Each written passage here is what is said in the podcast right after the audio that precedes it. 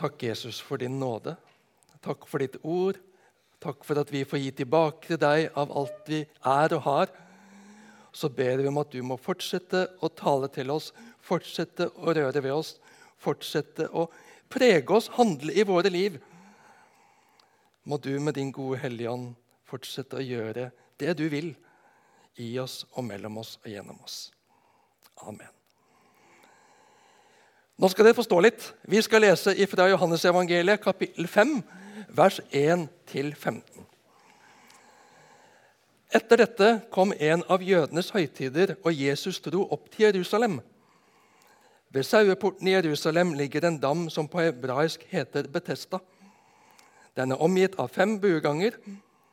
Der lå det en mengde mennesker som var syke, blinde, lamme og uføre. De ventet på at vannet skulle komme i bevegelse. For en engel fra Herren steg fra tid til annen ned i dammen og rørte opp vannet. Den første som steg ned i dammen etter at vannet var blitt rørt opp, ble frisk, uansett hvilken sykdom han hadde. Det var en mann der som hadde vært syk i 38 år. Jesus så ham ligge der og visste at han hadde vært syk lenge, og sa til ham, 'Vil du bli frisk?' Den syke svarte, 'Herre, jeg har ingen som kan få meg ned i dammen når vannet blir rørt opp.' 'Og når jeg kommer fram, går alltid en annen uti før meg.' Da sier Jesus til ham, 'Stå opp, ta båren din og gå.' Straks ble mannen frisk, og han tok båren sin og gikk. Men det var sabbat denne dagen. Og jødene sa til ham som var blitt helbredet, 'Det er sabbat. Du har ikke lov til å bære båren.' Han svarte, 'Han som gjorde meg frisk, sa, ta båren din og gå.' 'Hvem er det mennesket som sa at du skulle ta den og gå?' spurte de. Han som var blitt frisk, visste ikke hvem det var, for Jesus hadde trukket seg unna. Det var så mye folk der. Senere fant Jesus mannen på tempelplassen og sa til ham, 'Nå er du blitt frisk. Synd ikke mer, for at ikke noe verre skal hende deg.' Mannen gikk da og fortalte jødene at det var Jesus som hadde gjort ham frisk. Slik lyder Herrens ord. Vær så god, sitt. Når jeg leser denne fortellingen ifra virkeligheten, som er både tidfestet og stedfestet og inneholder konkrete mennesker, så blir jeg både glad, jeg blir ettertenksom, og så kjenner jeg på en skam for noe tilbake i tid. Det er herlig å høre hvordan Jesus Jesus hjelper mennesker. Jesus griper inn i livet til folk og gjør en helt konkret forskjell. Det kan mange vitne om også i dag. Noen kan vitne om helbredelse. De ble friske på en måte legene ikke kunne forklare medisinsk. Halleluja! Et møte med Jesus forandret et liv som var i ferd med å spore av, til et nytt, godt og helstøpt liv. Omvendelse og frelse ga et helt nytt liv. Og du og jeg, om vi tar oss tid til å se og lytte, så opplever vi av og til masse. Og av og til er det tørkeperioder. Men vi merker i ulike faser i livet at Jesus er der. Jesus handler, Jesus leder, Jesus velsigner. Og akkurat som karen i beretningen vår skal vi få fortelle både det sensasjonelle og det hverdagslige vi opplever med Jesus, til andre sette ord på hva Jesus gjør i våre liv, til andre. Og du kan øve deg her i menigheten når vi har vitnemøte en gang i måneden cirka etter nattværen, som i dag f.eks. En annen ting som gjør meg glad når jeg leser denne teksten, det er at høytiden nevnes. Det var, da var det jødiske høytider som ga en god rytme og et godt fokus for folk flest. Og Jesus var der midt i høytiden og midt i feiringen. Vi har i vår tid og vårt land kristne høytider. Og Aviser og media de har det moro med å intervjue folk på gata om hvorfor vi feirer de ulike høytidene. Og mange vet skremmende lite om innholdet i de kristne høytidene. Men i stedet for å riste på hodet oppgitt over hvor lav kristendomkunnskap det er i folket vårt, så skal vi som menighet, som troende kristne, ta høytidene tilbake og feire dem som kristne høytider.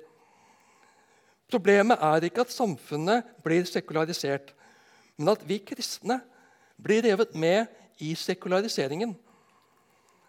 Vi som tror noe annet, som står for noe annet, som har en annen retning på livet, hvordan kommer det til uttrykk i våre liv? Er det maten og gavene som er det store for oss i jula? Eller feirer vi Jesu fødsel? Får Jesus den plass han fortjener i mitt hjem i julen? Eller skal jeg allerede nå gjøre noen grep og legge noen gode planer for hvordan jeg vil feire Jesus jul om snaue elleve måneder? Du kan absolutt vente med julebaksten, du kan vente med julekort og julegaver også, men gjerne sette i gang nå forberedelsene for hvordan du vil ta imot Jesus i ditt herberge, i ditt hjem, julen 22. Hva slags påske skal du feire i år? Det er ikke så lenge til. Er det påskekrim, påskenøtter, appelsiner og Kvikk Lunsj i påskefjellet som er i høysetet? Eller er påsken en kristen høytid for deg på en slik måte at hva Jesus gikk igjennom for deg, i kjærlighet til deg, får sige inn dag for dag gjennom påskeukas ulike hendelser? Hvis utviklingen som vi ser, ikke bare i samfunnet, men også i kirker og menigheter og forsamlinger, blant oss som kaller oss kristne, hvis den utviklingen fortsetter, så har det ingen berettigelse å, ta, å ha tre ekstra røde dager i kalenderen. For innholdet i deres etablering og navn er i ferd med å bli borte. Pinsa skal også i år feires tverrkirkelig i Kristiansand.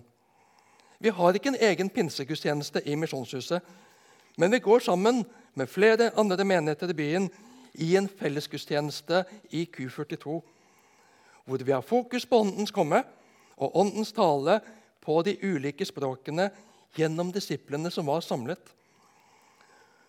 Og vi i dag vil bringe det samme frelsesbudskapet til de som ennå ikke har fått anledning til å høre og ta imot budskapet om at Jesus elsker dem og vil gi dem et helt nytt liv. Hvordan prioriterer vi? Hvordan legger vi opp våre liv? Hva får tid og plass hos meg og deg? Vi som menighet og som enkeltkristne vi kan gjøre og være en forskjell. Vise et annet fokus, andre verdier og mål.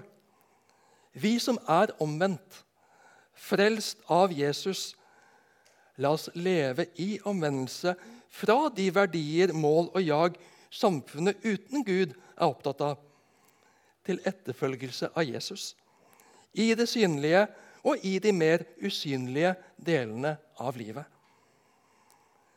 Og de kristne høytidene er spesielle dager gitt oss, hvor vi er frigjort fra andre forpliktelser til å løfte opp vårt sinn og vårt fokus mot Jesus hva han har gjort, er og vil være i oss og for oss. La oss nytte gavene som høytidene er, til fokus på og tid med giveren. For vår egen del, for våre barn, og gjerne på en synlig måte for våre naboer. La høytiden, høytidsfeiringen vitne om troen vår. Og kanskje kan vi invitere dem med på noe av det. Jeg gleder meg over høytidene som vi har fått, og som samfunnet fortsatt gir oss et spesielt rom for å feire gjennom ekstra fridager. Det er det første som treffer meg i møte med denne teksten. Det andre er en ettertenksomhet. Når jeg ser for meg denne mannen som har ligget der ved Betestadammen, mellom søylegangene der i Jerusalem Han har vært syk i 38 år. Og han er ikke alene. Det er mange syke, blinde, lamme og uføre. I sin håpløshet og nød så har de i hvert fall et lite håp knyttet til engelen som fra tid til annen rører opp vannet. Og den første som kommer seg uti, ble helbredet. Et underlig, men fantastisk fenomen. Det ga en gnist av håp. Kanskje jeg blir den neste. Men syk i 38 år. Går det fortsatt an å håpe?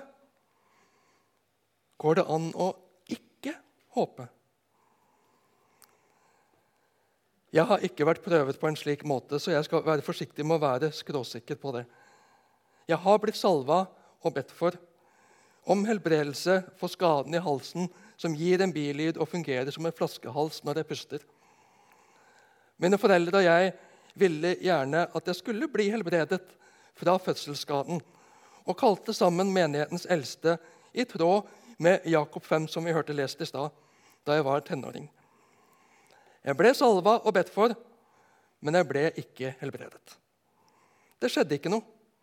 Ikke noe synlig, i hvert fall. Men det var fint å få legge det hele i Guds hender. Nabojenta som gikk i klassen min, ble helbredet fra epilepsi. Men jeg ble ikke helbredet. Så har jeg jo lært å leve med skaden og tenker ikke sånn på det utover at jeg kan undre meg over at jeg skulle gå inn i en jobb inn i en tjeneste hvor jeg så til de grader er avhengig av det som på mange måter er det svakeste ledd, nemlig stemmen. Kanskje vil Jesus si meg noe gjennom det. Men mange andre plages av voldsomme lidelser og smerter som hemmer og lammer på en helt annen måte. De ber om å bli friske, men så langt så har ikke helbredelsen kommet. Hører Gud deres bønner? Ja. Makter Gud å gjøre dem frisk? Ja, jeg tror jo det. Ingenting er umulig for Gud. Likevel velger han å ikke helbrede. Hvorfor ikke? Jeg vet ikke. John på bedehuset hjemme på Nednes han vitnet om hvordan Gud gjennom lammelsen i halve kroppen satte ham til side fra arbeidet som oppslukte ham, og ga ham et nytt forhold til og en ny glede i Jesus. Jesus helbredet denne syke mannen ved Betestadammen, men alle de andre der som var syke, de ble ikke helbredet av Jesus. Hvorfor ikke? Jesus ser hver enkelt. Jesus ser din smerte og sykdom. Jesus ser din fortvilelse, og han har omsorg for deg. Han lider med deg. Og Jesus tok all sykdom og synd på seg og bar det på Golgata kors. I Isaiah 53 leser vi Sannelig, våre sykdommer tok han, Våre smerter bar han. Vi tenkte han er rammet, slått av Gud og plaget. Men han ble såret for våre lovbrudd, knust for våre synder. Straffen lå på ham, vi fikk fred. Ved hans sår ble vi helbredet.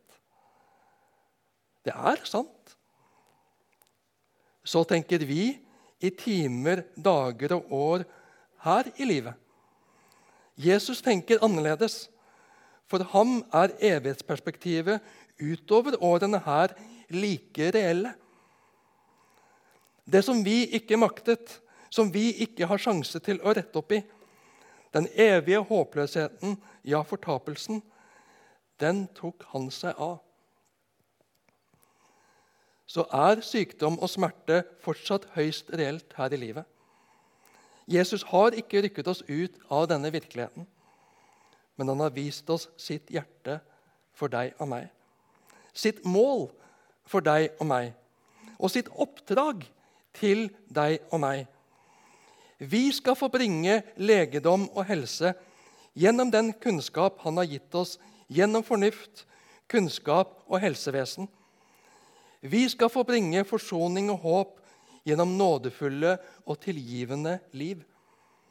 Og vi skal få være med og gi folk en ny start i livet gjennom budskapet om frelse i Jesus Kristus.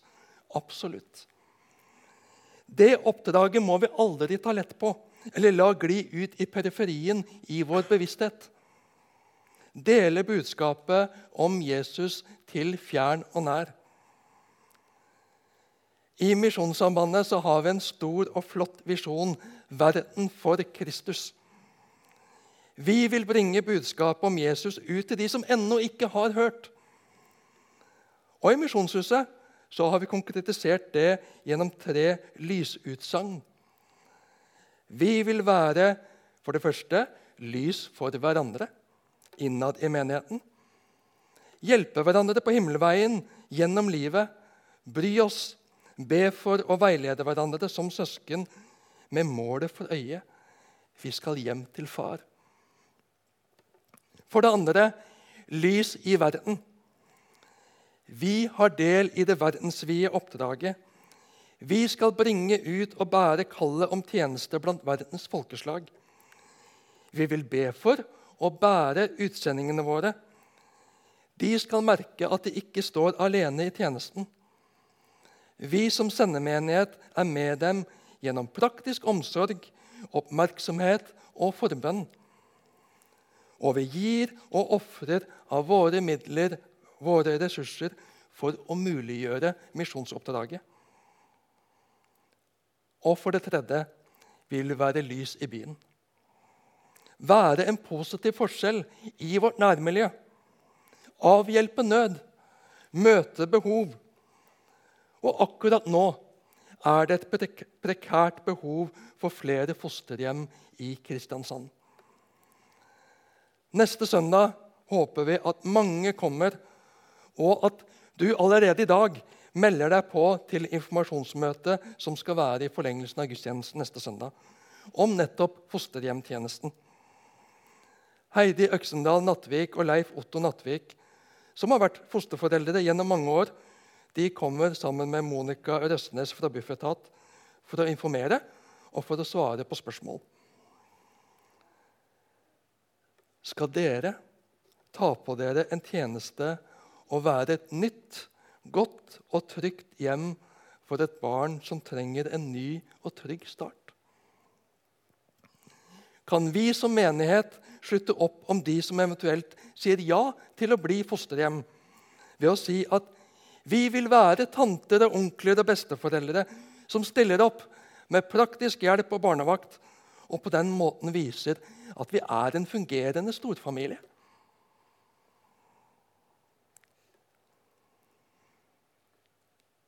Så ser vi i bibelavsnittet vårt fra Johannes 5 at det var noen som hadde behov for å problematisere det gode Jesus gjorde. De hadde behov for å påpeke og kritisere at Jesus helbredet på en sabbat. En skal jo ikke jobbe på sabbaten. Det var helt rett at Gud hadde gitt folket sabbatsbudet, både for å gi folket en dag hvile i uka og en dag innviet til Herren. Men når hva vi skal gjøre for Gud, blir viktigere enn hva Gud er og har gjort for oss, da blir hele innstillinga og hjerteforholdet vårt feil. Saken, tingene, gjerningene blir hovedsaken framfor relasjonen. For Gud er relasjonen i høysetet. Gud vil mennesket vel. Han skapte oss av og i kjærlighet. Og det er budenes hensikt. De skal ivareta mennesket i relasjon til Gud og til hverandre. Religiøst streberi hadde økt antallet bud og regler, men det på en slik måte at relasjonene var kommet i andre rekke. Jesus korrigerer, men det provoserer de som vil holde på sin religiøsitet framfor å lytte til og bøye seg for Gud. Så er ikke sabbatsbudet et bud som binder oss kristne i dag. Men det er like fullt en gave som vi gjør klokt i å ta imot og bruke slik den var tenkt. En dag til hvile, til avkobling fra stress og mas, forpliktelser og gjøremål. Her handler det ikke om hva vi skal rekke å gjøre på søndagen, men å koble av, roe ned, hvile. En dag til påkobling til Gud, vår Far, og Jesus, vår bror og frelser og Herre. En helligdag innviet til Gud. En hel dag, hver sjuende dag, i gave til å koble av og til å koble på. Jeg lever ikke for karrierekarusellen eller all verdens prestasjonskrav og mas om alt som skal gjøre meg lykkelig. Jeg er gitt livet av Gud og jeg vil leve det med og for ham i tråd med hans plan, hans vilje og hans konstruksjon. Jeg vil ære min skaper med livet han har gitt meg, med alt jeg er og har. Og hos ham og med ham vil jeg leve i evighet. Det er umulig for meg å begripe en evighet men såpass har jeg skjønt at det er veldig mye mer enn de 80-90 årene jeg statistisk, statistisk, sett kan vente å leve her på jord. Og Det er i det perspektivet vi skal forstå Jesu utsagn til den helbredede mannen. Nå er du blitt frisk. Synd ikke mer, for at ikke noe verre skal hende deg. Og her er det opplevelsen av skam blusset opp i meg i møte med bibelavsnittet vårt. Som misjonsskolestudent på Fjellhaug på 90-tallet så hadde vi undervisningspraksis i bibelskolen på samme sted. Og jeg skulle legge ut denne fortellingen i klassen. Og Da jeg kom til slutten av avsnittet og dette verset, la jeg det ut omtrent på følgende måte. Når Jesus sier 'synd ikke mer', så må det bety at sykdommen han hadde hatt, var pga. synd i mannens liv, og at ny synd kan føre til verre sykdom. Men før timen var omme, hadde veileder og medstudent korrigert meg framfor klassen ganske ettertrykkelig. Teologisk sett så er jeg glad for det, men det føltes langt fra godt. Jeg ble skikkelig skamfull. Veid og funnet for lett. Men jeg lærte.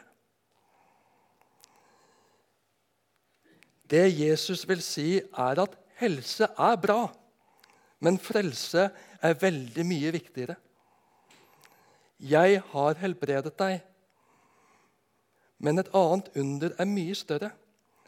Jeg er kommet for å frelse deg fra din synd. Men nå må du ikke velge et liv i synden videre, så du taper frelsen. En evighet i fortapelse vil være veldig mye verre enn den sykdom du har erfart gjennom 38 år. Jesus kobler ikke sykdommen mannen har hatt, til synd mannen har gjort. I Johannes 9 tydeliggjør Jesus at sykdom og lidelse ikke skal søkes i forklaring i personlig synd eller foreldres synd. Sykdom og lidelse er en del av ondskapen som fikk plass på kloden da synden slapp inn i tilværelsen gjennom Adam og Eva. Sånn sett er sykdom en konsekvens av synd. Og Et utsvevende liv kan jo også føre til diverse sykdommer og lidelser.